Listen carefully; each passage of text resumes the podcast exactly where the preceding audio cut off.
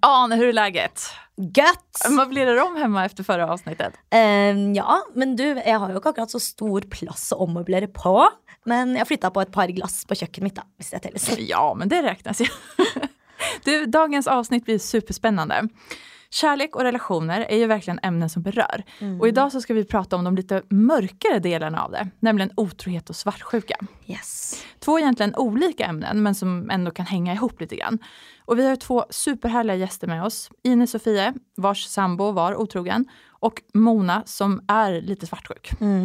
Ja, og dette avsnittet här har jeg gledet meg veldig mye til å spille inn. Fordi eh, jeg har både vært i forhold der jeg har funnet ut at han har vært utro, og jeg har selv vært ganske sjalu tidligere også. Så ja, hva med deg? Er du sjalu?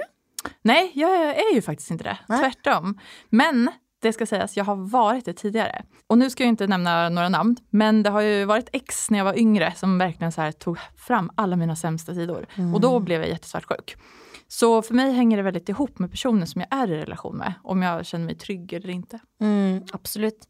Men hvor går grensen fra litt sjalu til sykt sjalu, og hva er forskjellen på flørting og utroskap? Å, jeg har så mange spørsmål! Mm, ja, virkelig. Du, vi har jo googlet fem tecken på utrohet, Mm. og det kommer jo opp hvor mange artikler som helst når man søker på det her. Og det her er tydeligvis fem vanlige varningssignaler att hålla utkik efter. Skal jeg lese opp dem? Yes. Mm. Nummer ett. Personen er veldig forsiktig med sitt privatliv som mobil, sms og mail. Nummer två. Bryr sig plötsligt extra mycket om sitt utseende. Nummer tre. Är extra kärleksfull för att hon eller han känner sig skyldig. Nummer fyra. Går till sängs direkt och hittar på ursäkter för att inte ha sex. Och sista, duschar konstiga tider eller lägger kläderna direkt i tvätten.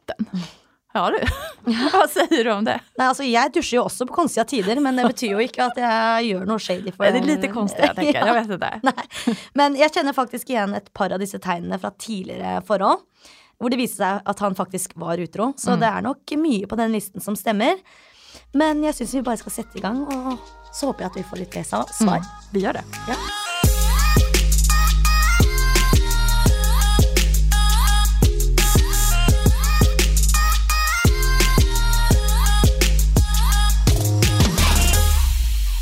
Hej och välkomna Ine-Sofie och Mona. Hei, hei. Tack. Hej. Tack så jättemycket för att ni ville komma hit idag. Vi ska prata om otrohet och svartsjuka. Två ämnen som är väldigt vanliga men som ändå är lite tabu. Och först och främst, tror ni att det är enklare att vara otrogen idag än förut? Är människor inte lika trogna nu för tiden när det finns så mycket val? Jeg tenker at det ikke er eh, lettere, eh, men eh, det er flere kanaler å være det på. Så det blir kanskje lettere oppdaga, da, og det har vært mer i media, det er mer sosialt akseptabelt å snakke om det. For før så pakka man det litt mer inn. Mm. Eksempel hvis man ble skilt da, ved utroskap, at man heller sa noe annet fordi det var litt skamfullt, rett og slett. Så jeg tror man bare hører mer om det, egentlig. At det ikke har blitt noe mer av det. Nei, ja, men, Men, det kan eh, hende. Mm. bare kommet opp til ytan Ja. litt mer? Men tror dere at det er at mange kanskje holdt sammen før fordi man måtte, på en måte, hvis du skjønner hva jeg mener? At det er sånn, ok, en mann og en kvinne, de skal være sammen, og de skal ha, ha barn, og man skal ha en jobb og alt sånt der. Og da var det mer sånn, dere er satt, sånn skal det være. Istedenfor at de hadde lyst til å Eller, jeg vet ikke. Ja, det tror jeg i hvert fall. Ja, ja, ja. Mye mer vanlig før å holde sammen, liksom. Hvis du gifta deg med en, så var det den eh, resten av livet, da. Mm. Men tror dere det var de der eh, følelsene der likevel? At bare oi, han derre nabogutten på bondegården ved siden av, han er litt interessant. Altså, du føler jo på det Altså, jeg tenker at du føler på det samme som man gjør nå, da. Eh, med å bli cheater on, eller eh, være utro. At man føler på akkurat de samme tankene, men at det ikke var helt greit å si det høyt, da. ja. Fordi du skal holde sammen, og det er ikke helt greit å gå fra hverandre. Mm. Men nå er det det. At du viser at du er ikke svak, men du er faktisk sterk da, til å gå ifra og klare deg alene og være selvstendig. Mm. Plutselig når du får det smelt i trynet. Mm. Ja. Ja, och bättre det tenker jeg, enn å være Ja, ja, i et forhold som ikke funker, Ja. eller som at der du, der du ikke mår bra. Absolutt. Men du, Ine Sofie, du har jo selv opplevd utroskap. Og du var sammen med en fyr i ganske mange år, og dere bodde sammen og hele pakka. Hvordan fant du ut at han var utro? Det fikk jeg som sagt ganske smelt i trynet. Mm. det var eh, en natt jeg var alene. Han var eh, borte i en helg. Og plutselig så får jeg melding på telefonen av en person jeg ikke vet hvem er. Er du kjent ukjent nummer, liksom? Nei, det var meldingsforespørsel på Facebook, faktisk. Aha, ok. Så da måtte jeg jo godta den, og der sto det at bare sånn til informasjon Ekskjæresten min har hatt sex med kjæresten din i jula. Oi, shit. Og da ble jeg veldig sånn Jeg fikk så sjokk. Og jeg leste faktisk meldingene for ikke så lenge siden for å bare uh, se på det igjen. Um, og jeg har liksom skrevet sånn Er du full? Ja. og reagert med at hva, Hvem er du? Ja. For jeg visste jo ikke hvem det var. Så det var veldig vanskelig for meg å ta det inn over meg akkurat der og da.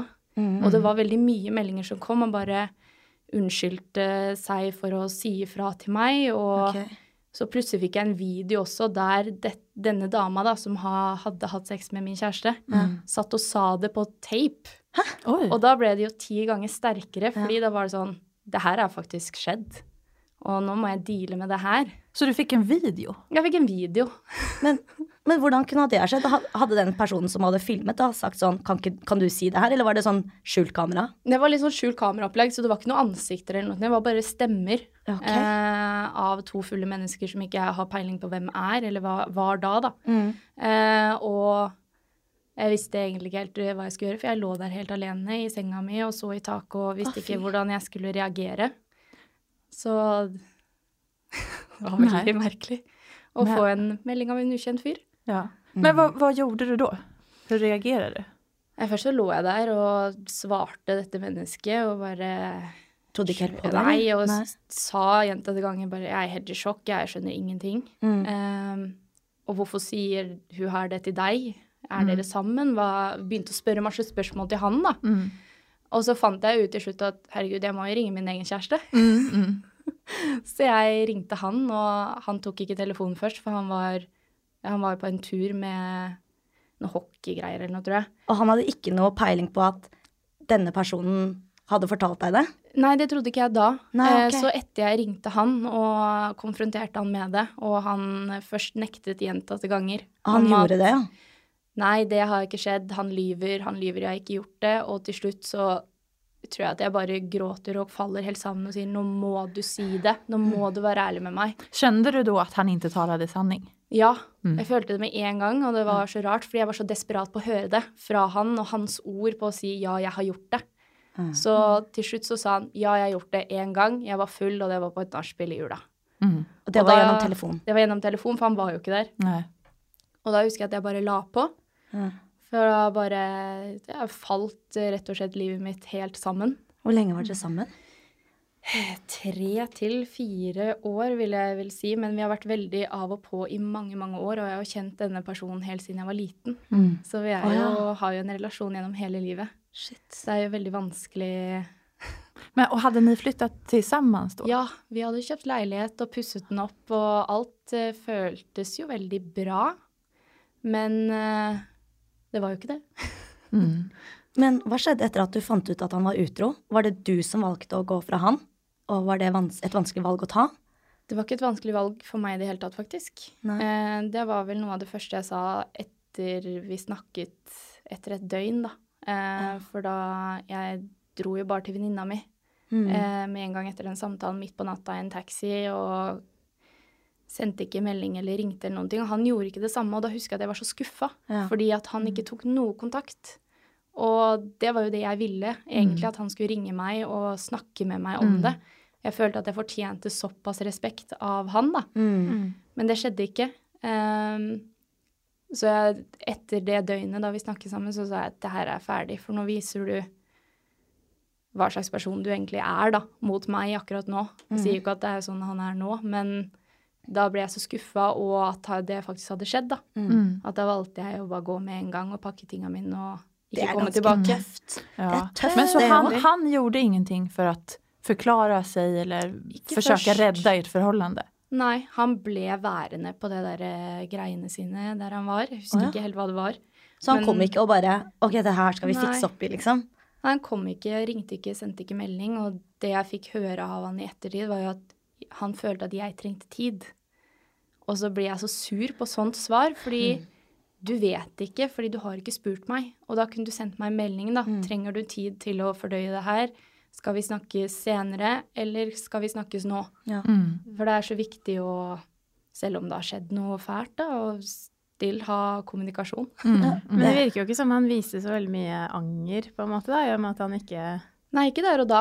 Nei. Og det var det jeg også følte på, at eh, å ja, så man bare gjør det, og så glemmer man det man har hatt, og bare går videre. Mm. Det var jo det også som skuffa meg så utrolig mye. Mm. Men så, ja.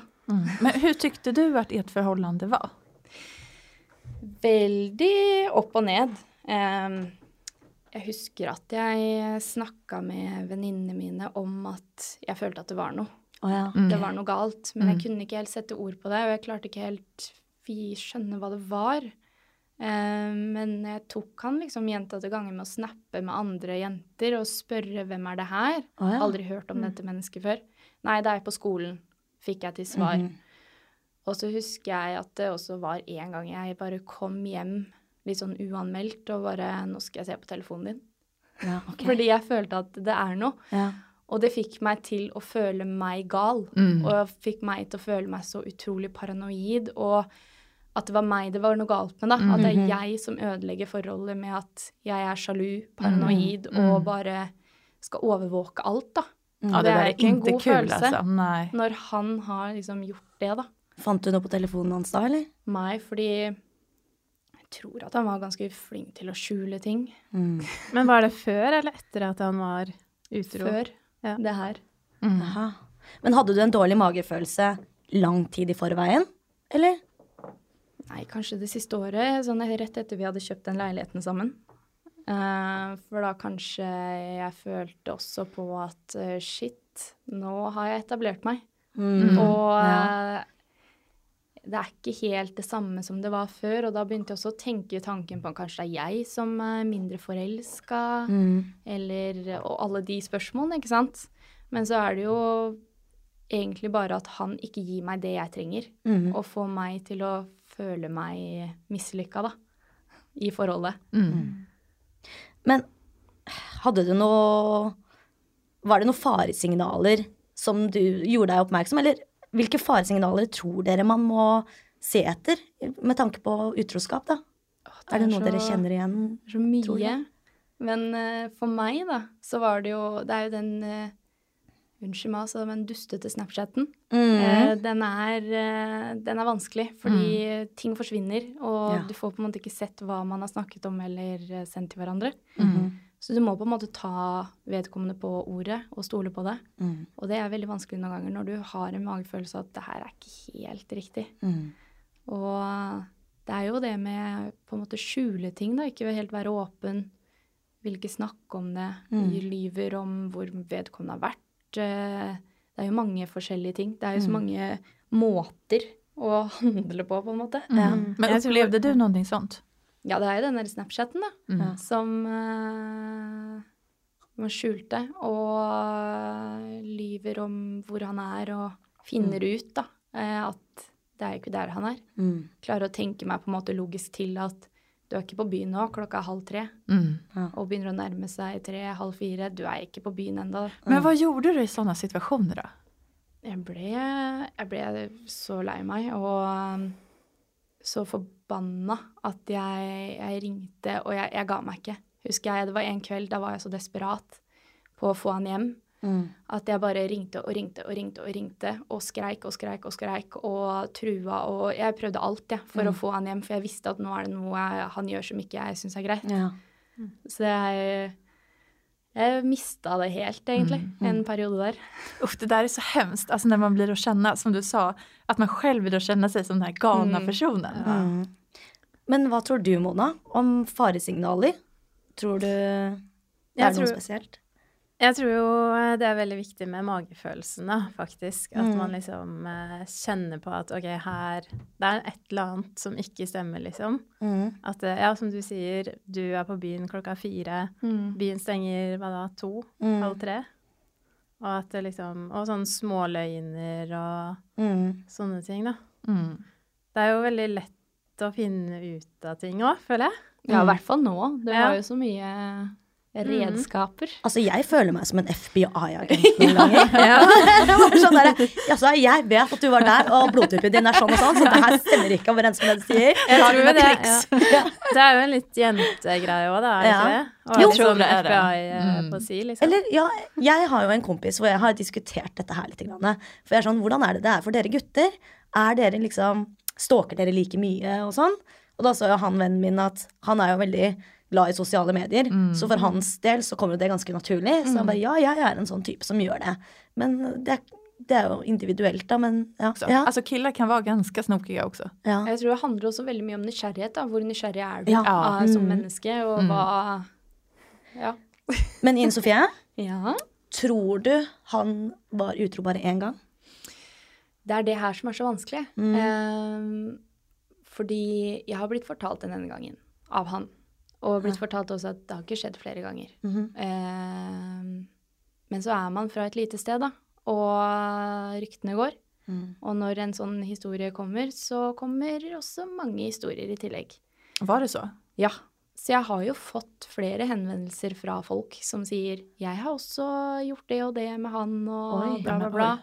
Og flere venninner som er venninne av jenter, da, eh, som sier at de har flørta, kost med han, whatever. Eh, så jeg vet jo ikke hva jeg skal tro. Eh, men jeg velger liksom å si når jeg deler denne historien, at det er én gang, men jeg føler at det er flere ganger. Men jeg skal jo ikke si noe helt sikkert, for jeg vet ikke. Nei. Fordi han har innrømmet én gang, og det er det. Så det andre er jo egentlig bare rykter til det motsatte er bevis, på en måte. Mm. Mm. Men du har ikke spurt han? Jo, Ja, eh, og det er jo benektelse. ja det er det. ja. Eh, så jeg valgte å bare OK, greit, jeg finner meg til ro. Hvis du velger å lyve mer nå, så bare viser du egentlig hvor feig du er. Mm. At du ikke tør å face det nå heller, nå som det er rett og slett ferdig, da. Mm. Du har ikke noe mer å tape her. Ja, nettopp. Men hva hender sen da? Nå har du fått vite at han har, har varit otrogen, han har erkjent det. hva hender med leiligheten, ditt forhold? Når prater Ja. ni? Nei, vi snakka jo, jeg tror det var to dager etterpå. Eh, for jeg klarte ikke helt å dra dit, for jeg var så sur. Jeg var så sur at jeg visste at hvis jeg kom til å dra dit, så hadde jeg slått han. Mm. Jeg var så forbanna. Eh, så jeg bodde hos søsteren min, som eh, ironisk nok eh, bodde rett over gata, typ. Å ja. Ok. så der var jeg. Um, så jeg kom dit etter to dager, og da hadde vi en lang samtale. Ok, Hvordan føltes det? Veldig rart. Og jeg følte nå i ettertid at jeg, jeg kunne ha gjort det annerledes. Fordi jeg følte at jeg på en måte dominerte hele greia. For jeg var så sur. Mm. Og jeg var så på det der med detaljer. Ja, okay. Jeg var så på hvem er hun, hva gjør hun, hva gjør hun bedre enn meg? Mm. Eh, hvorfor syns du hun er penere enn meg? Så här, upphängt i Eh, ja, tjejen han hadde vært med, inte på hånda honom. Nei. Mm. Og veldig opphengt i det der med alt av detaljer, som er veldig, veldig rart. Ok, ja. Er liksom Alt det praktiske var helt urelevant for meg å ta opp det med leilighet og alt mulig. Det var veldig det, Følelsene tok overhånd, liksom. Ja. Men noen ganger så blir man skikkelig forbanna på eh, den personen som er utro med kjæresten din, mm. og noen tilgir kjæresten sin istedenfor. Altså, hvorfor, hvorfor tror dere det er sånn? At man tilgir kjæresten sin som har gjort noe galt, men hater personen som har kommet inn og gjort noe med den personen som kanskje ikke visste at de, de var i et forhold? da? Jeg tror det er eh, lettere å være forbanna på en person du ikke helt vet hvem er, og ikke må deale med på så nært, enn den du elsker, da. Og du er jo veldig redd for å miste det. Eh, og da er det lettere å ta det utover noen andre for å få ut frustrasjonen der, enn å prøve det med den andre. Mm. Var du arg på tjejen? Ja. Eh, men jeg klarte å hente meg inn, fordi jeg har veldig gode venninner Mm. Ja. som klarte å fortelle at ja, men herregud, hun har da ikke gjort noen ting sånn Mm. i forhold til det han har, da. Mm. Ja. Så det er Men kontaktet du henne? Nei. Nei. Aldri. Nei, och för jag tänker egentligen så är det ju han som har en skyldighet til deg. Ja. i, i første hand. Ja, ja, ja. Absolutt. Hun, altså, hun eh, skal ikke ta noe på en måte ansvar for det, eller eh, snakke med meg. Og jeg, det var noe jeg var veldig bestemt på, at jeg skal aldri snakke med det mennesket. Fordi det kommer jeg ikke til å klare. Nei. Men hva sa, da når ni pratet, fikk du noen forklaring på hvorfor han hadde gjort det eller? Nei, Ikke som jeg kan huske nå. Uh, men altså det som sitter i meg, er jo Vet ikke, vet ikke, vet ikke. Jeg var full. Mm. eh, det var nach. Jeg var så full. Tror du det er lett å skylde på det? At man drikker? Veldig. Ja. På alkoholen. Veldig lett å skylde på det. Mm. Men jeg blir sånn, ja men fader heller. Drit i om du var full, da. Du har gjort en handling, stå for det. ja. Mm. Men du sa i stad, så sa du 'jeg vet ikke om han er sånn nå lenger'. Mm. Men hva tror dere? Tror dere det er sånn 'once a cheater, always a cheater'? Eller kan man endre seg? Jeg tror man kan endre seg. Ja, det tror jeg òg. Mm. Jeg tror også det. Mm. Ja. tror det er veldig lett å si det fordi at du har så Jeg tror jeg sa det i starten, fordi jeg var så sur. ja. Bare, I. Ja. At du på en måte ikke unner vedkommende noe som helst godt, da. Ja. Bare sånn ha-ha, da vet vi hvordan du kommer til å holde på resten av livet ditt. Ja, jeg er litt sånn. Jeg, jeg Ja. har litt lite tro på menneskeheten der, altså. Jeg tenker sånn, å ja, du har gjort det en gang. Da tror jeg kanskje det er enkelt for deg å gjøre det igjen. Mm. Eller om det er motsatt, da. Ja. At jeg gjorde det én gang, det var jævlig. Skal Ja. aldri gjør det igjen, liksom. Mm. Det er for at man lærer av feilen sin, da. Ja, forhåpentligvis. Og, ja, forhåpentligvis, da. Mm. Eh, Det fins jo mennesker som ikke gjør det òg. Gud, ja. Man hører jo nok om de, for å si det sånn. Mm. Ja, det er noe veldig individuellt. Ja. Alltså det här är en ganska stor fråga, men var tycker ni egentligen gränsen går? Så här, vad, vad kan man kalla liksom en oskyldig flört og hva er otrohet? Mm. Ja, det er vanskelig spørsmål, Mm, faktisk. den er det. Og i hvert fall for meg som er litt sjalu, så er jeg sånn Er det her å tråkke over grensen, eller er det min urimelighet som er inne i bildet nå, på en måte? Ja. Mm. Hva ser du på som flørt, da? Det er veldig individuelt der også. Eh, og det er for meg i ettertid Mm. veldig viktig når jeg eh, begynner å date eller inngår forhold, at vi må snakke om det. Hva er greit, hva er ikke greit? Ja. For det er så viktig for meg å få frem. Sånn at ikke jeg skal sitte der og ha det vondt. Mm. Og så kan jeg egentlig bare skylde meg selv for at ikke jeg har sagt ifra. Mm. For jeg, han da vet ikke hva mine grenser er. Mm. Og det er eh, veldig individuelt hva man føler på. Men for meg så er jo det verste er å finne en veldig stor interesse i en jente, da. Eh, Hvis min kjæreste skal gjøre det. Og for eksempel hvis han er på byen og bare sitter og snakker med en person og blir veldig godt kjent med denne personen, Mm. og kun har fokus på denne, Mm. og bare inngå en slags ja, relasjon av interesse, da, ikke bare vennskapelig, på en måte. Mm. Men at du er veldig interessert i alt og spør, stiller masse spørsmål og Ja. Mm. Det for meg er en grense man går over, da. Mm. For da viser man at man er interessert, da. Mm. I å Mm. bli kjent med nye jenter på Ja. Mm. Ja, hon, hon är inte bara en i kompisgänget utan det är någon ja. person som hon, han har Ja, han har fokus. valgt ut på Mm. byen, da, for eksempel. Eller valgt ut her og der. Og da Jeg husker jo eksen min eh, kom hjem fra byen, eh, og så fant jeg et telefonnummer. Eh, og så spurte jeg hvem er det her sitt eh, nummer. Så bare nei, det var en jente han hadde møtt i baren. Mm. Og jeg bare men hvorfor har du nummeret hennes? Så bare nei, vi begynte å snakke litt sammen, da. Så spurte hun om eh, vi skulle utveksle nummer.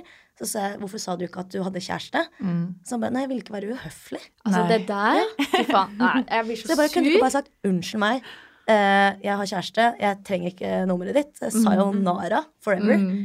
Men eh, nei da. Altså, det der skjønner jeg Jeg ikke. At skjønner folk ikke. som bare venter sånn Eller ikke sier det i det hele tatt. 'Jeg har kjæreste'. Da er det noe som skurrer, ass. Ja, men da altså, vil du jeg- ikke dele det. I alle fall når det går så langt. At Ja. du har haft et samtal og sen bare skal vi byta nummer. Jeg har også vært med om det der tidligere Ja, det. med ex, ja, når jeg var yngre. Ja. Og han var sånn Nei, men jeg vil ikke være, jeg vil ikke være otrevlig Ja. eller sånn men det, hon kan jo være en kompis. Ja. jeg bare bara, men jeg vet ikke. skaffar Mm. man nye tjejkompisar Ja. när man är, eller man kan ju det också, jag vet, det är svårt. Det er Ja, det, det, tror det det er er veldig vanskelig. det, det är väldigt vanskligt. Hadde vært motsatt, da. At du, Ane, hadde Ja. gått på byen og kommet hjem med et nummer fra en gutt. Ja. Mm. Så hadde jo ikke det vært noe gøy for han heller. Nei, det, nei, det er akkurat det. Mm. Det er ikke sånn derre Å ja, nei, jeg tar fader. Det är just det där kanske med nya bekantskaper. För att jag, jag har jättemånga killkompisar Mm. till exempel. Och det är inget, absolut inget problem. Nei. Um, men jeg, jeg, skulle kanskje ikke gå ut og treffe en ny killkompis. Nei, Nettopp. Fordi det er sånn venner som du har hatt der hele veien. Null stress. Mm. Men hvis du plutselig begynner å få veldig mange nye jentevenner, det hadde jeg satt spørsmålstegn ved, altså. Det synes jeg, det hadde, altså. Noe er jo naturlig. Hvis du begynner på skolen, for eksempel, og så får deg noen nye klassevenninner, det er greit, men at du putter pikken igjen og sier gratulerer med dagen, det er noe annet. Men har ni själva varit frestade å gå over grensen noen gang? Nei. Jeg er så premiss på det her, ass. Ja. Det er liksom alltid vært eh, Du smiler så jævlig litt der borte nå. Nei, men ja, i mine yngre dager, så Ja. ja. Mm. Men ikke nå den siste tida. Da er det bare Det er no go, liksom. Men har du gjort det? Har du gått over grensen? ja. Ja. Mm. Mm. Hvordan følte du deg etterpå? Eh, nei, det var ikke så gøy. Jeg følte meg helt jævlig, ja. Ja. Mm. Fikk veldig dårlig samvittighet overfor han, da. Sa du det til han? Nei. Vet han det i dag? Nei. Hva heter han? Det- Det er lenge siden. Ja. Det er veldig lenge siden. Ja. Det må jeg si. Ja. Mm. Mm. Det har sikkert litt med ålder å gjøre også. Ja, det tenker jeg. Mm. Altså, Ja. sånn- Og det er jo sånn hvis man eh, La oss si du går på ungdomsskolen da, og har kjæreste, og så har du vært utro der. Så kommer vi tilbake til den once a cheater always a cheater. Mm. Utvikler deg ganske mye fra ungdomsskolen til eh, litt opp i 20-åra. og lov. Det er sant. Mm. Ja, fy søren, takk og lov. Jeg føler ikke jeg har utviklet meg så veldig mye siden da, men lite grann har jeg kommet eh, på vei. Men Ine Sofie, den hendelsen her, eh, har det gjort noe med hvordan du ser på deg selv? Eller endret deg på en eller annen måte? Ja. Um, til det negative også, da. Mhm. Og positivt. Negativt. Fått veldig dårlig selvtillit. Ja. Føler meg ikke så flott og fin som jeg følte meg før. Å, du som er så fantastisk. Å, gud vad s- å høre det. Ja. Ja, men det går jo litt på det, da. Eh, Fordi det er jo så dust at man tenker det at det er noe med deg. Ja. Ikke sant? Mm. Men eh, det er jo som regel ikke det. Det er jo i hvert fall ikke utseendemessig. Eh, men det føler man jo på etterpå. Eh, men jeg føler at jeg har blitt sterkere. Eh, og at jeg ikke er redd for å stå opp for meg selv lenger. ja.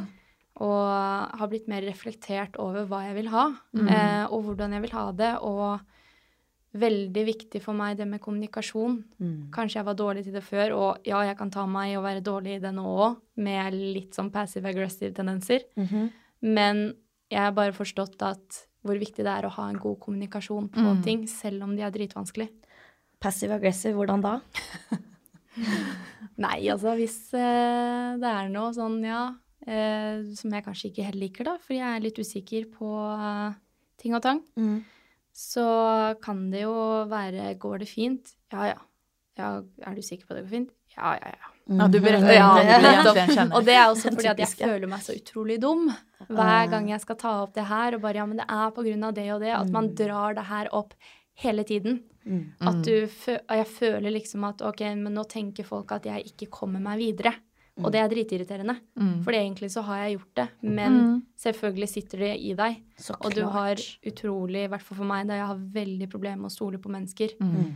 Veldig problemer med å tenke at når du sier 'jeg er her', så er du her. Mm. Og når du sier 'jeg er glad i deg', så er du glad i meg. Mm. Og du blir her, da.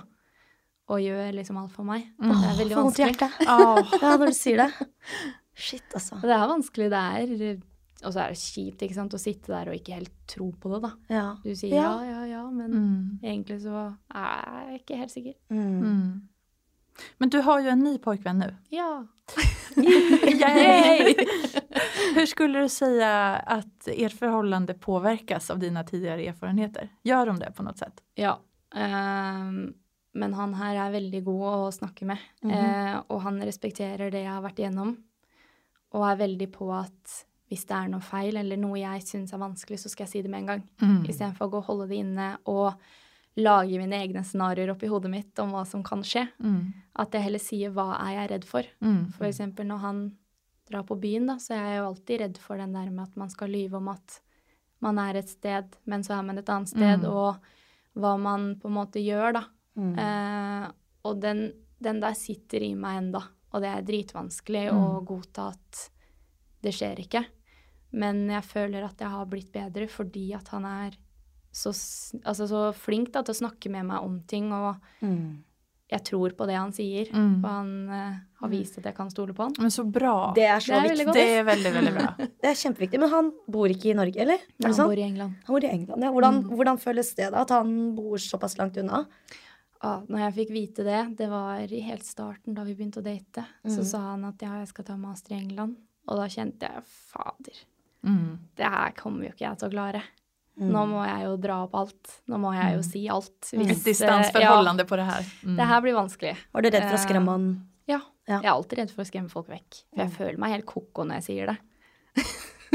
Det skal du ikke gjøre. Nei, men eh, man føler litt på det. Mm. Men uh, det går overraskende bra. Og uh, bare man er flink til å snakke sammen, som vi er, Mm. uh, fortelle hva som er vanskelig, ringe og rett og slett bare ha god kommunikasjon, Ja. da, så Mm. kommer man en utrolig så- lang vei. Det er så Så viktig å kunne prate. Altså. Mm. Mm. Det er det. Det er det. Men har dere en sånn liksom noen konkrete regler om at hvis han er ute, så sender han deg melding, eller hvis du er ute, så Ja, Um, Som gjør at det blir lettere for deg, liksom? ja, jeg liker veldig godt at han ringer meg, hjem når, eller ringer meg når han er på vei hjem. Mm. Mm. Ja. Mm.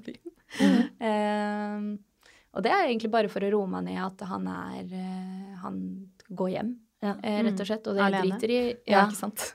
Jeg driter i hva slags tid på døgnet det er, på en måte. Mm. Eh, bare at jeg får høre at nå er jeg hjemme, Mm. og jeg skal det.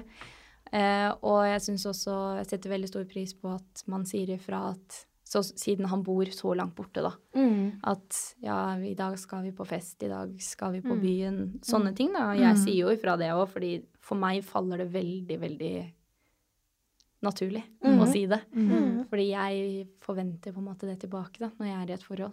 Og det er jo ikke alle som takler det. Men han takler det veldig bra. Mm. Men da passer jo ni ihop. Jeg tenker, ja. Da er det jo noe. då, ni forstår hverandre, og ni kan prate med hverandre. Ja, det er veldig Mm. godt. Ja. Men det er ikke sånn at Nå kjenner du jo han veldig godt og stoler på han og sånn, men føler du allikevel at du overanalyserer visse situasjoner og kanskje er litt ekstra sjalu, da, når det Ja. Ja. Jeg kjente på det i starten, da det var sånn Ja, jeg blir kjent med hun og hun, og jeg bare Ja, det er så mange hun. Mm, kan ikke være Å, han, det er så mange jenter! ja. Men uh, man må jo bare stole på det, at herregud, det her kommer ikke til å skje. Mm. Og det er så viktig å ha den tankegangen nå at alle er ikke drittsekker. Ja. Selv om en har vært det. Man Ja. måtte kunne lita på personen som man er sammen med. Og det er så bra. viktig å komme seg dit, men det tar lang tid. Mm. Mm. Og det krever mye jobb og hjelp fra både venner, fremtidig kjæreste, Mm. familie. Mm. Alt man kunne All, all hjelp er god hjelp. Mm. Man trenger gode støttespillere, rett og slett. Absolutt. Ja, virkelig. Mona, du har jo berettet at du er ganske svartsjuk. Mm. Kan du beskrive hvilke situasjoner som trigger i gang det? Om det er noe særskilt? Mm. Ja, det er jo f.eks. for eksempel eh, relasjoner Altså når kjæresten min har relasjoner med andre jenter. Mm. Spesielt hvis det er jenter jeg ikke vet hvem er, aldri har Mm. hørt om, aldri har møtt. Mm.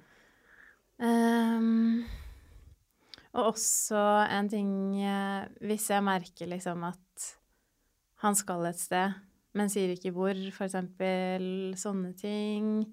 Nye bekjentskap. Mm. Ja. Mm. Hur visar sig din svartsjuka då? Um, først så tror jeg kanskje at jeg prøver å liksom eh, skjule det litt. Mm. At jeg tenker sånn Nei, nå må jeg bare ikke ta den her videre, liksom. Legg Mm. ballen død. ja. Bara låtsas som att du inte bryr dig. Ja, ja. Mm. Men så eh, finner jeg fort ut at eh, nei, jeg kan ikke la den ballen ligge død. Jeg må på en måte ta det opp. Mm. Så det er vel det jeg gjør da, da. Tar det opp med denne personen. Sier at eh, du, hvem er det her? Mm. Eh, jeg blir litt sjalu når jeg får vite at du har en ny venn som jeg aldri har møtt. Mm. Mm. Er det noe jeg trenger å bekymre meg for, liksom? Mm. Mhm. Ja, ja, altså Skal jo ærlig innrømme at jeg har vært sjalu før, jeg òg. Det er jo ikke noe fett på noen slags måte. Um, og, men det verste, sånn som vi gikk litt inn på her i stad òg, det er jo ikke at jeg blir usikker på han, men det at jeg blir usikker på meg selv. Mm. Og det er sånn typ ja, hvorfor er ikke jeg bra nok, og hva kan jeg gjøre for å være mer attraktiv, og hva er feil med meg, og diverse. Mm. Og det er det som er det vondt å kjenne på, at man blir usikker på seg selv. Det er alltid enkelt, eller enklest å finne fel på seg selv, egentlig, for man er så selvkritisk. Mm. Det er ganske sorglig. Ja. Men Mona, Mm. vi to har jo snakket ganske mye om sjalusi Mm. eh, opp gjennom årene, holdt jeg på å si, og hvordan det oppfattes for ulike personer, da. Mm. Eh, fordi vi to har jo ganske ulik oppfatning på sjalusi. Eh, Mm. Men hva tror du er den største misoppfatningen folk har når det kommer til akkurat det her? Hva tror du folk ikke helt forstår? Jeg tror kanskje en stor misoppfatning er at eh, veldig mange tror at den som er sjalu, på en måte gjør det med vilje, eller at man på en måte prøver å skape noe drama, eller eh, at man prøver å kontrollere den andre personen, at man ja, rett og slett er jævlig og bare er sjalu, på en måte. Mm. Det handler jo ikke om det. Altså, den som er sjalu, har jo absolutt ikke lyst til å være sjalu. Mm. Det er jo ikke noe man vil. Eh, for det handler jo egentlig om at man vil føle seg viktig for den andre, da. Man vil jo bare ha kjærlighet, liksom. Mm, ja, man vil jo det. Ja. Ja. Man vil jo ikke være jævlig og skape problemer og ødelegge forholdet og Mm. ja. Nei. Tror ni at man blir enda mer påvirket av sosiale medier? Som vi pratet litt tidligere, Snap Ja. och... ja. Absolutt. det tror jeg. Det er jo så lett å bare slide inn i en eh, DM og liksom, ja. Jeg tror man blir veldig mye mer påvirka av det. Instagram er livsfarlig, tror jeg. Jeg hater Snapchat, jeg. Ja, Jeg det takler ikke Nei, Snapchat. jeg måtte slette sosiale medier en periode, fordi det var en fyr jeg data litt av og på. Han var så shady. Uh, og jeg så jo alt dette her. Begynte å følge på Instagram, begynte å like på Instagram, kommentere på Instagram. Og jeg bare Dette gjør meg gæren. Ja. Uh, mens vi holdt på da, så Ja. var han sånn med andre jenter. Ja. Så jeg måtte, jeg måtte slette disse appene Mm. og holde meg unna det. For Mm, jeg eh, jeg klarte ikke å tenke på noe annet. Nei, Og du ville ikke se hva han gjorde. Nei. Men holder ni koll på hvilke personer som era gutter følger? Og bilder han liker? Og... Jeg gjorde det veldig mye i mitt Ikke det siste forholdet nå, men det før der. Mm. Da var jeg veldig mye sjalu egentlig hele tiden. Mm. Skikkelig slitsomt. Eh, da fulgte jeg med Jeg kunne liksom ligge på kvelden hele kvelden og bare scrolle gjennom den derre feeden på Instagram der Ja. man ser OK, hvem har likt hva, liksom. Ja. Mm.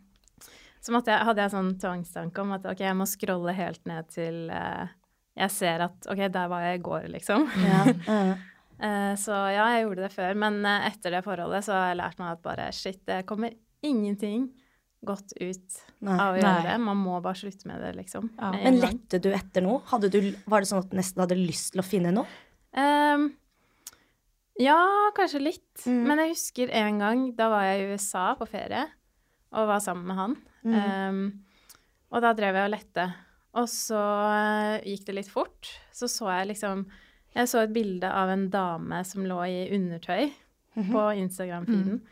Eh, og så sto det sånn Ja, din eks likte det bildet. Mm. Og så ble jeg sånn Shit, nå, nå har det skjedd. Det jeg frykta. Ja. Og gikk inn på bildet og liksom Nei, nå, det, det står jo ikke at han har likt det. Har han fjerna liken? Hvorfor har han gjort det? Og så gikk jeg tilbake for å liksom dobbeltsjekke, og da var det den under han hadde likt. Det var Aha. ikke den. Oh, Men jeg jo Jeg ble jo helt Ja, ja, ja. sånn Å, fy, jeg kjenner det på kroppen sjæl. Det er jo ikke så gøy. Så ja. Tough life. Ja, det er eh, Det er, Det er det verste, da. Man Mm. føler seg så ko-ko. Ja, jeg vet det. Man blir jo Og det er så eh, vondt. Men det er veldig viktig. Altså, jeg lærte så mye av det forholdet. Mm. På en måte what not to do Mm. i et forhold, da. Så ska du sitte nu litt med, med ansiktet bak deg. Som det skrikmaleriet. Ja. Nei, men jeg, altså, jeg gjorde alt man kan tenke seg. Jeg sjekka jo mobilen. Hans? Eh, ja. Mm. Og det bestemte jeg for når det ble slutt, så bare Det er en ting jeg aldri skal gjøre igjen. Fordi for det første, det er ikke greit. Nei. Det er jo å tråkke over en strek på en annens eh, personlig eller privatliv. Mm. Eh, så jeg bestemte meg for at det skal jeg aldri gjøre igjen. Og det har jeg heller ikke gjort, så det funka jo veldig bra. Og jeg, i mitt neste forhold så var jeg veldig mye mindre sjalu, så sånne ting hjelper veldig mye, da. At Mm. man bare Du må bare slutte å liksom Mm. Følge med så mye, Mm. da. Men fant du noe da du lette på telefonen hans? Eh, ja, jeg fant jo at han hadde gått på date. Det her var liksom helt i starten av eh, vårt forhold, da.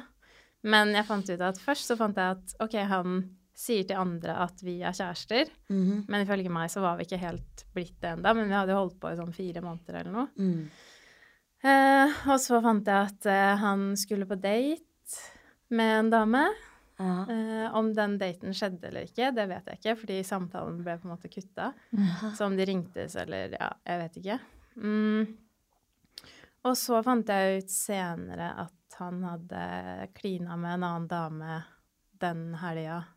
Han skulle på den daten, da. Så om det var hun eller noen andre, det vet jeg ikke. Mm. Wow. Og det her finner du alltid i hans telefon? Ja.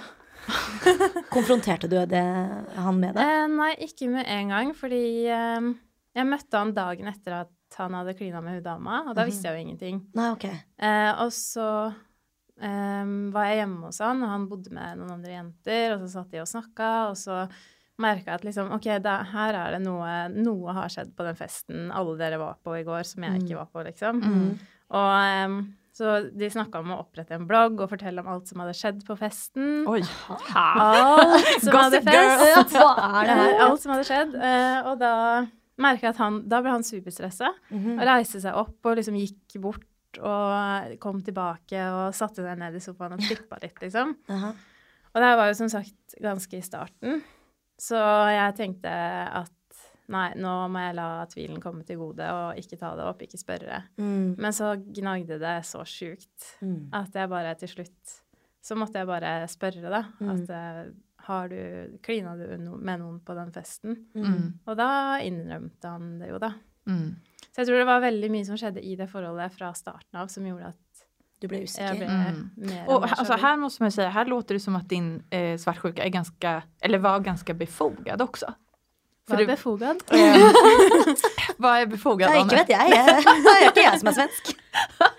At den var ganske mye At den var mye. Ja, nei, men at den var sann, At, det- Ja, at det stemte. stämde du- då, ja. dina misstankar. eh, Ja, ja, ja. Mm, Ja. det gjorde den nok, ja. Han var altså Jeg fant jo ut Det var mye annet i det forholdet òg som gjorde Mm. at jeg bare tenkte det er noe shady som skjer. Men Mm. det var mitt første forhold på veldig lenge, så jeg var veldig usikker på om det var innafor. Er det Mm. meg det er noe galt med? Er det jeg som er crazy her i det forholdet, liksom? Mm.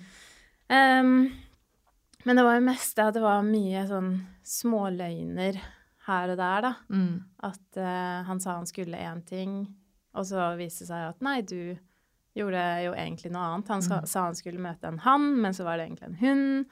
Og så, men ikke det at han gjorde noe med hun sikkert, men bare det at han ikke sa Men hvorfor Var tror du han ærlig. løy? Jeg tror han løy fordi eh, For å ikke såre meg, Mhm. men igjen da så blir det jo bare mye verre for Mm. meg. Ti ganger verre. Ja, ti ganger verre. Ja, for da skaper jo det mistanker hos deg. Mm. Enn om at han Ja, bara han hade hade sagt- ærlig fra från Ja, ikke sant? Hadde han sagt bare ja, jeg skal møte ei eh, på jobben, liksom, Mm, og ja. vi skal bare ta en kaffe, Mm. så hadde jeg tenkt ja, så hyggelig at du forteller meg det, og Mm. det er bra, kos Mm. dere. Men hvis han sier at nei, han skal jeg møte, og så etterpå så bare nei, det var egentlig en hund. Å, det blir kjempekonstig. Ja. Men hadde du syntes det hadde vært greit om han sa det? At jeg skal møte en jente fra jobben som du kanskje ikke har møtt, da, på en kaffe? Eller hadde Jeg tror jo kanskje at uh, Selvfølgelig, det er jo greit, han må jo få lov til å gjøre hva han vil, til en viss grad, da. Mm. Men jeg hadde nok allikevel vært sånn Hvem er det her? Hvordan kjenner dere hverandre? Mm. Hvorfor skal Mm. du møte henne? Mm. Alle de spørsmålene der. Og Mm. så Ja. Mm. Men eh, Mona, hva syns du er det verste med sjalusi? Det verste er at det gjør så vondt. Mm. Det gjør skikkelig vondt. Mm. Og når det står på som verst, så vil man bare på en måte skru av Mm. den knappen fordi det gjør så vondt. Og så syns jeg også det er ganske ille Fordi jeg føler ikke alltid at man blir forstått Mm. når man tar det opp, da. Mm. At man blir møtt med liksom Å, det der er ditt problem, det må du fikse, og bli sint, på en måte. Ah, ok. Mm. Så at ikke man får fram det at hvorfor er jeg sjalu? Jeg er sjalu fordi jeg vil ha trygghet fra Mm. deg. Mm. Mm. Det syns jeg er det verste. Mm. Men jobbar du med dig själv på något sätt? Eller du, du, låter, man hör ju, du har ju lärt dig massor, som Ja. du sa, sen ditt tidigare förhållande. Ja. eh, de her verste eh, casene jeg kommer opp med nå, er jo fra mitt, det første forholdet. Mm. Mm. Men jeg har lært masse etter det, ja. Og så veldig sånn la ting ligge. Mm. Eh, ikke sjekk alt, liksom. Ikke sjekk Instagram, ikke Mm. bare la det ligge. Mm. Mm. Er det noe, så får du forhåpentligvis vite det uansett, hvis du skal vite det, liksom. Um, og også prøve å tenke Fordi når man er midt oppi en sjalusi, eller sjalu eh, ja, Tankegang, tankegang, Mm. så tenker man veldig irrasjonelt, tror jeg. Mm. Man får helt sånn Det bare blokker seg alt. Liksom. Mm. Og at man da prøver å tenke OK, det jeg tror nå i den settingen her, at han er der og gjør det og det, er det egentlig realistisk at Mm. han gjør det, liksom? Mm. Eller er det bare tull? Mm. Har du noen gang vært så sjalu at du har vært irrasjonell? Ja, altså det med å sjekke telefonen føler jeg jo er litt uh, irrasjonelt. Mm. Uh, og eh, det var på et punkt i det ille forholdet, holdt jeg på å si, Mhm. at uh, sjalusien tok veldig overhånd. Så Mm. da var det en periode der hvor alt var feil. Mm. At det liksom hver minste ting han gjorde, så tenkte jeg nå har du vært utro. Mm. Uh, og da skal jeg være så ærlig å si at uh, jeg kom hjem en gang, hadde vært på hyttetur eller et eller annet, Mm. med venner, da. Mm. Og så hadde han eh, vært eh, hjemme i leiligheten, for vi bodde sammen. Ehm, så hadde han vært hjemme, og når jeg kom hjem, så var han ikke hjemme. Mm. Så det første jeg gjorde, var å gå rett inn på soverommet, sjekke liksom OK, er det noe nytt her? Mm. Er det noe spor? Mm. Ja. Ja.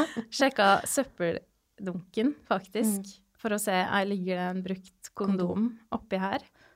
Og ja. Du trodde det verste? Jeg trodde det verste. Mm. Virkelig. Jeg var, det var en boble jeg levde i som ikke var bra for noen. Mm. Men han var jo ikke rett for deg heller. Absolutt ikke. Nei. Så det er jeg glad for. Ja, det Men føler du Nå har jo Det setter jo en stopper på mange måter, den sjalusien, når det kommer til forhold. Mm. Eh, og det forhindrer deg i å føle kanskje det du burde føle, eller det du har lyst til å føle, og alt det der. Eh, Mm. Føler du at den sjalusien du hadde i det forholdet, hindret deg i å ha et godt forhold? Eh, ja, det gjorde jo det. For det var jo vanskelig hele tiden i forholdet med han. Eh, og så visste jeg liksom ikke om forholdet gikk dårlig fordi jeg var sjalu, eller om det på en måte var vi som ikke passa sammen, eller om Mm. han var shady. Mm. Og ja. Så det gikk jo ikke bra. Mm. Det ble jo slutt. Mm. Så jeg følte at det hindra meg til å ha et godt forhold, ja. Men jeg jobba jo veldig mye. Jeg gikk jo til psykolog Ja. i det forholdet. Ja.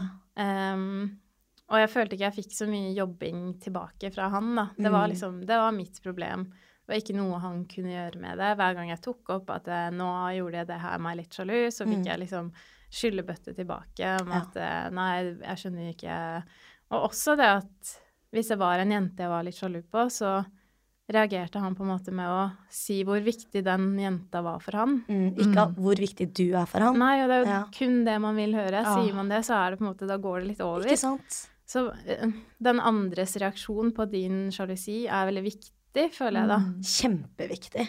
For at du skal og- føle mm. deg trygg, og for at det skal Mm. gå over. Mm. Og det gjør jo da at han tar henne i forsvar. Mm. Nästan, eller forsvar, men at han liksom Det er det man på din side. Det, Mm. det er da man blir ekstra galen. Ja, da får man jo følelsen av at hun er viktigere enn deg. Ja. Ja. Så jeg jag du- känner det her fra da jeg var yngre altså. Ja. Det er hemskt. Ja, for du hadde jo et forhold som ikke var så veldig bra, du òg. Ja. Mm, Ja, Mm. det, jeg, jeg, kjenner igjen veldig mange av de her sakene som, Ja. som du sier, Mona. Mm. Jeg tror vi alle sammen har vært gjennom visse forhold som ikke har fungert helt Mm. bra, Mm. Mm. eh, og hvor den andre parten kanskje ikke har håndtert ting på den måten som det burde håndteres. Mm. Mm. Eh, og det er veldig synd. Eh, og det er veldig trist å høre at ja, det får andre folk til å bli usikre Mm. når de ikke burde være det. Mm. Men hva tror ni skal til for at man skal kjenne seg trygg i et förhållande? Hur känner ni? kommunikasjon Mm. igjen. Eh, Åpenhet. Yes. Ærlighet. Mm. Og at vedkommende ser deg og respekterer deg for den du er og det du har med deg, Mm. er veldig viktig. Og at du føler deg viktig Mm. for den andre personen. Mm. Mm. Kan dere beskrive noen situasjoner der dere kjenner litt ekstra på sjalusien? Hvordan viser dere at dere er sjalu? Altså, jeg eh, var veldig sjalu nå da han flytta til England. Ja. Eh, fordi eh, altså det er et helt nytt sted som ikke jeg vet noen ting om. Det er nye mennesker. Det er eh, for meg nye trusler, Mm. som jeg kan se på det, da. Mm. Men det er ikke det jeg går rundt og tenker. Um, og da merka jeg veldig sånn den første uka da han bodde der, det var veldig vanskelig. Um, for da skulle han på en fest med alle de nye vennene sine. eh, både jenter og gutter, det. Mm. Og da ble jeg kjempesjalu Mm. på hun ene. Eh, og jeg Jeg sendte en melding også og skrev at nå vet jeg at jeg er veldig, veldig irrasjonell, men eh, jeg har helt noia. Mm. Var det just en, en ja, av personene? Ja, en jeg, fordi jeg har fått høre om hun, ikke sant. Og så har jeg bare sett for meg henne. Har ikke peiling på hvem dette er. Mm. Uh, men eh, det var kjempevanskelig, og jeg skrev at uh, nå er jeg kjempeteit, og jeg ser det selv, da. Altså, jeg føler meg så teit. Det er det jeg sier hver gang jeg drar det opp. Nå er jeg teit. Jeg At du må stå ursäkta dig? Ja, jeg må, jeg må unnskylde meg hver gang. Ehm, og jeg husker at jeg, også, jeg skrev sånn at jeg er så redd for å miste deg, eh, for jeg vet at dette er bra, og det er deg jeg vil være med, og vær så snill å ikke fuck det her opp. Ja. Og det kan hende det er jeg som fucker det opp nå, fordi at jeg viser at jeg ikke stoler på deg. Men uh, det her er kjempevanskelig for meg. At du drar på fest nå, at jeg sitter her hjemme og trøkker i sofaen, liksom. Men er dere redde for det på noen måte? At uh, hvis dere viser sjalusi eller usikkerhet, at det på en måte er en faktor for at uh, den dere er sammen med, ikke vil være sammen med dere lenger? Ja. Ja. Jeg føler at det skremmer de vekk. Jeg føler at jeg blir, eh, blir så kontrollerende når jeg sier det, da. Sånn som du sier, at du på en måte Mm. ikke blir forstått Mm. med når man sier det. Man føler veldig på det. Mm. Og Mm. for veldig mye også er det sånn Ja, jeg har opplevd utroskap.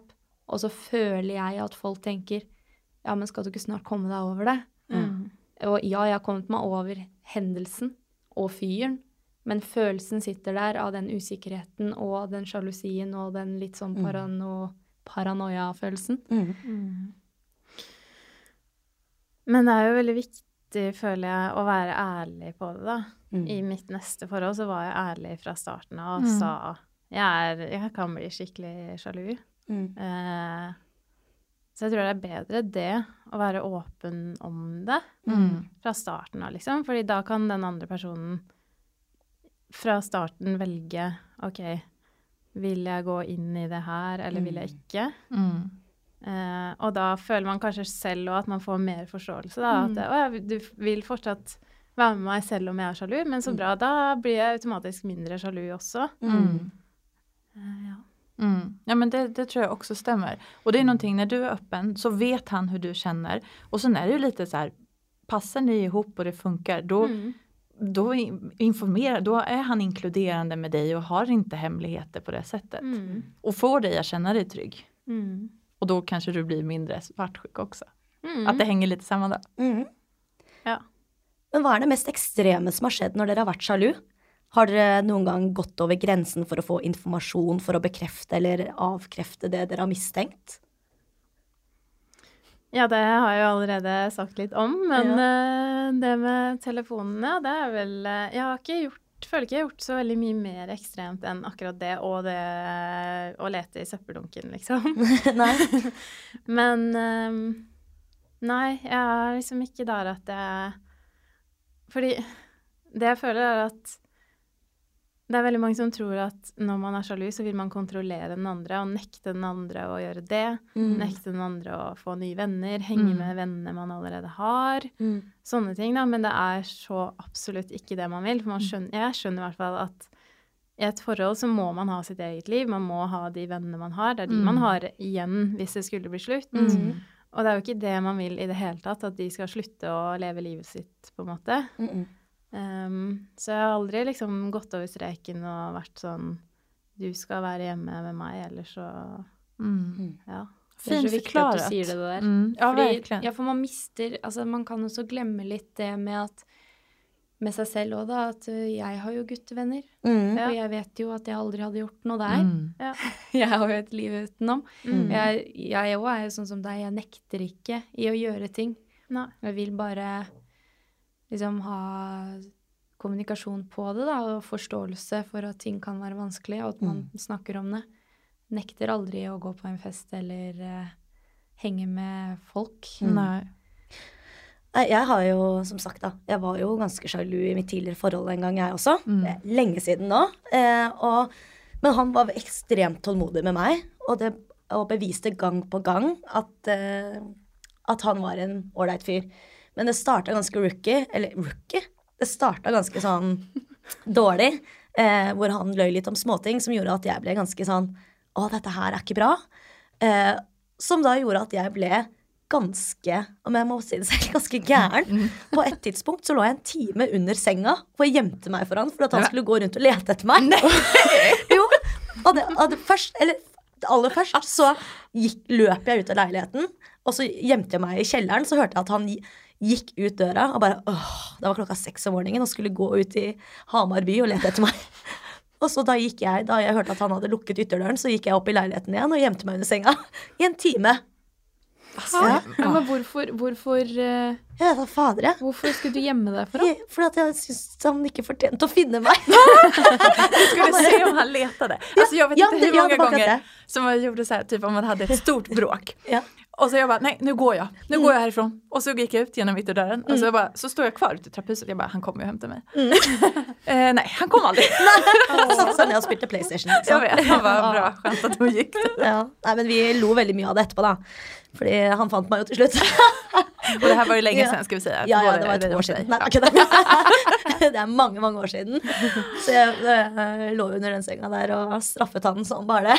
Og så Herregud. hva man gjør, altså. Greit. Ja, jeg veit det. Og det, det er jo Men uh, vi snakket om det, og vi begynte jo bare å le etterpå. For det var jo så dust. Men det tok lang tid før jeg liksom begynte å stole på han.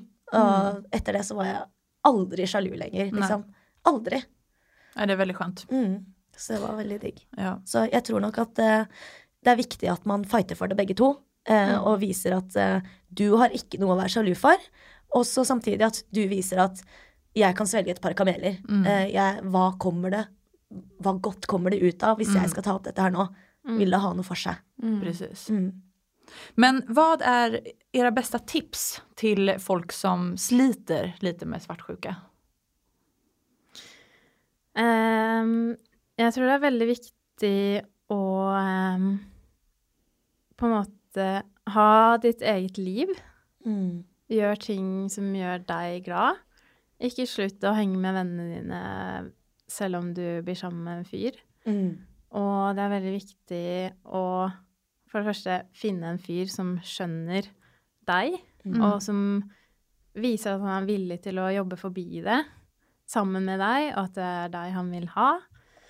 Um, og også bli glad i seg selv er viktig. Mm. Da tror jeg det er lettere å gå inn i et forhold også. Når man vet at OK, jeg er bra. Mm. Jeg er det skitt. Mm. Ja. Og jeg eh, Ja, hvis ikke du vil ha meg, så er det helt greit. Jeg Mm. tar neste. Bra tale, Mona. Ja, veldig. Og det er veldig viktig. Viktig å ha full kommunikasjon. Det er så viktig for meg, det med Ja. kommunikasjon, altså. Men det er det. Ehm, viktig å, sånn som du sa i stad, Mona, være ærlig fra start av hvis man har et problem med det. Mm. Eh, viktig å sette seg ned og snakke og finne ut av hva er grenser for deg, hva er grenser for meg, sånn at man er innforstått med det. Sånn at man slipper å havne i en, eh, i en eh, situasjon som eh, den ene skjønner Altså, den ene blir helt forfjamsa, den andre skjønner egentlig ikke hva jeg har gjort galt. Mm. Det er veldig viktig. Mm. Og så være glad i seg selv. Og så tror jeg også hvis Når det står på som verst, da Bare ta liksom Prøv å ta to steg tilbake. Gå deg en tur. Tenke gjennom. Ring en venninne som du vet Mm. er sånn Nå, Mona, nå må du ta deg sammen. Anne. Ja. Nei, men ta deg en luftetur, liksom. Bare ro deg litt ned, og Mm. tenk gjennom hva er det jeg blir sjalu for nå? Mm. Er det her noe jeg skal gå videre med? Er det Ja. Mm. Men et spørsmål bare, tilbake til sjalusi. Har du, har du vært sjalu i alle forholdene dine, eller er det enkelte personer som har fått deg til å være usikker? Og hva tror du er grunnen til at du har vært sjalu? Er mer eller mindre sjalu i de fleste, eller alle forhold. Ja. um, men jeg tror det har veldig mye å si hvem man er sammen med. Mm. Det forholdet jeg var i som der hvor jeg var veldig sjalu, der var, jobba jo ikke han med meg, han jobba mot meg. Mm. Og så neste forhold da, så var jeg mindre sjalu. Men jeg kunne også bli sjalu i det forholdet, for det hang litt igjen fra tidligere. Men han var mye flinkere til å på en måte Uansett hva du eh, tenker og gjør, så vil jeg være her for deg, på en Mm. måte. Så jeg tror det har veldig mye med den personen man er sammen med å gjøre, da. Mm. Helt klart. Hvorfor tror du at du er sjalu? Det tror jeg bunner i usikkerhet. Eh, og den redselen for å bli forlatt. Mm. At man eh, skal bli avvist av en annen person. Mm. Mm. Ja, det er jo ikke noe fett, det. Det er ikke fett. Nei. Men se på oss, vi har klart det. Vi er, har kjæreste, vi. Hvem da? Jeg, Mona. Jeg har ikke kjæreste. Hæ? Jeg trodde du hadde kjæreste. Jeg er nysingel. Mm. Mm. Gratulerer. Takk. Det føles godt. Ja. Neida. Men det ble ikke slutt av sjalusien. Eh, det var uh, ulikheter som eh, gjorde at uh, det ikke Ja. funka. Ja. Mm. Ja, det är inte alltid svartsjukan som ställer Nej, till det. Det, Det är er det ikke. Finns ser tusen andre saker også. Det gjør det. Ja. Men vet du hva, dere to? Tusen hjertelig takk for en veldig utfyllende og ærlig samtale. Mm, takk så jättemycket. Ja, vi setter skikkelig stor pris på det. Um, og vi håper også at uh, det her hjelper andre der ute. Litt på vei, gjerne med å bare snakke om ting. Og ikke gjøre det så veldig skummelt å prate om at, uh, at sånn føler jeg det. Sånn er det, rett og slett. Precis. Mm. Takk så jättemycket för att ni kom hit. Tack. Ha det bra. Ha det! Life Happens är en podd av Wickbock och vi som gör den heter Maria Rogersdotter och Ane Gillström. Produktionsbolaget är som alltid Moderna Media. Ja, og dagens avsnitt ble til akkurat på grunn av forslag fra dere. Så fortsett å sende inn til oss, enten ved å slide inn i DM-en vår på Instagram, BikBok, eller send oss en mail til lifehappens at bikbok.com. Så takk for oss, og så høres vi om ikke så lenge. Hej så länge! Ha det!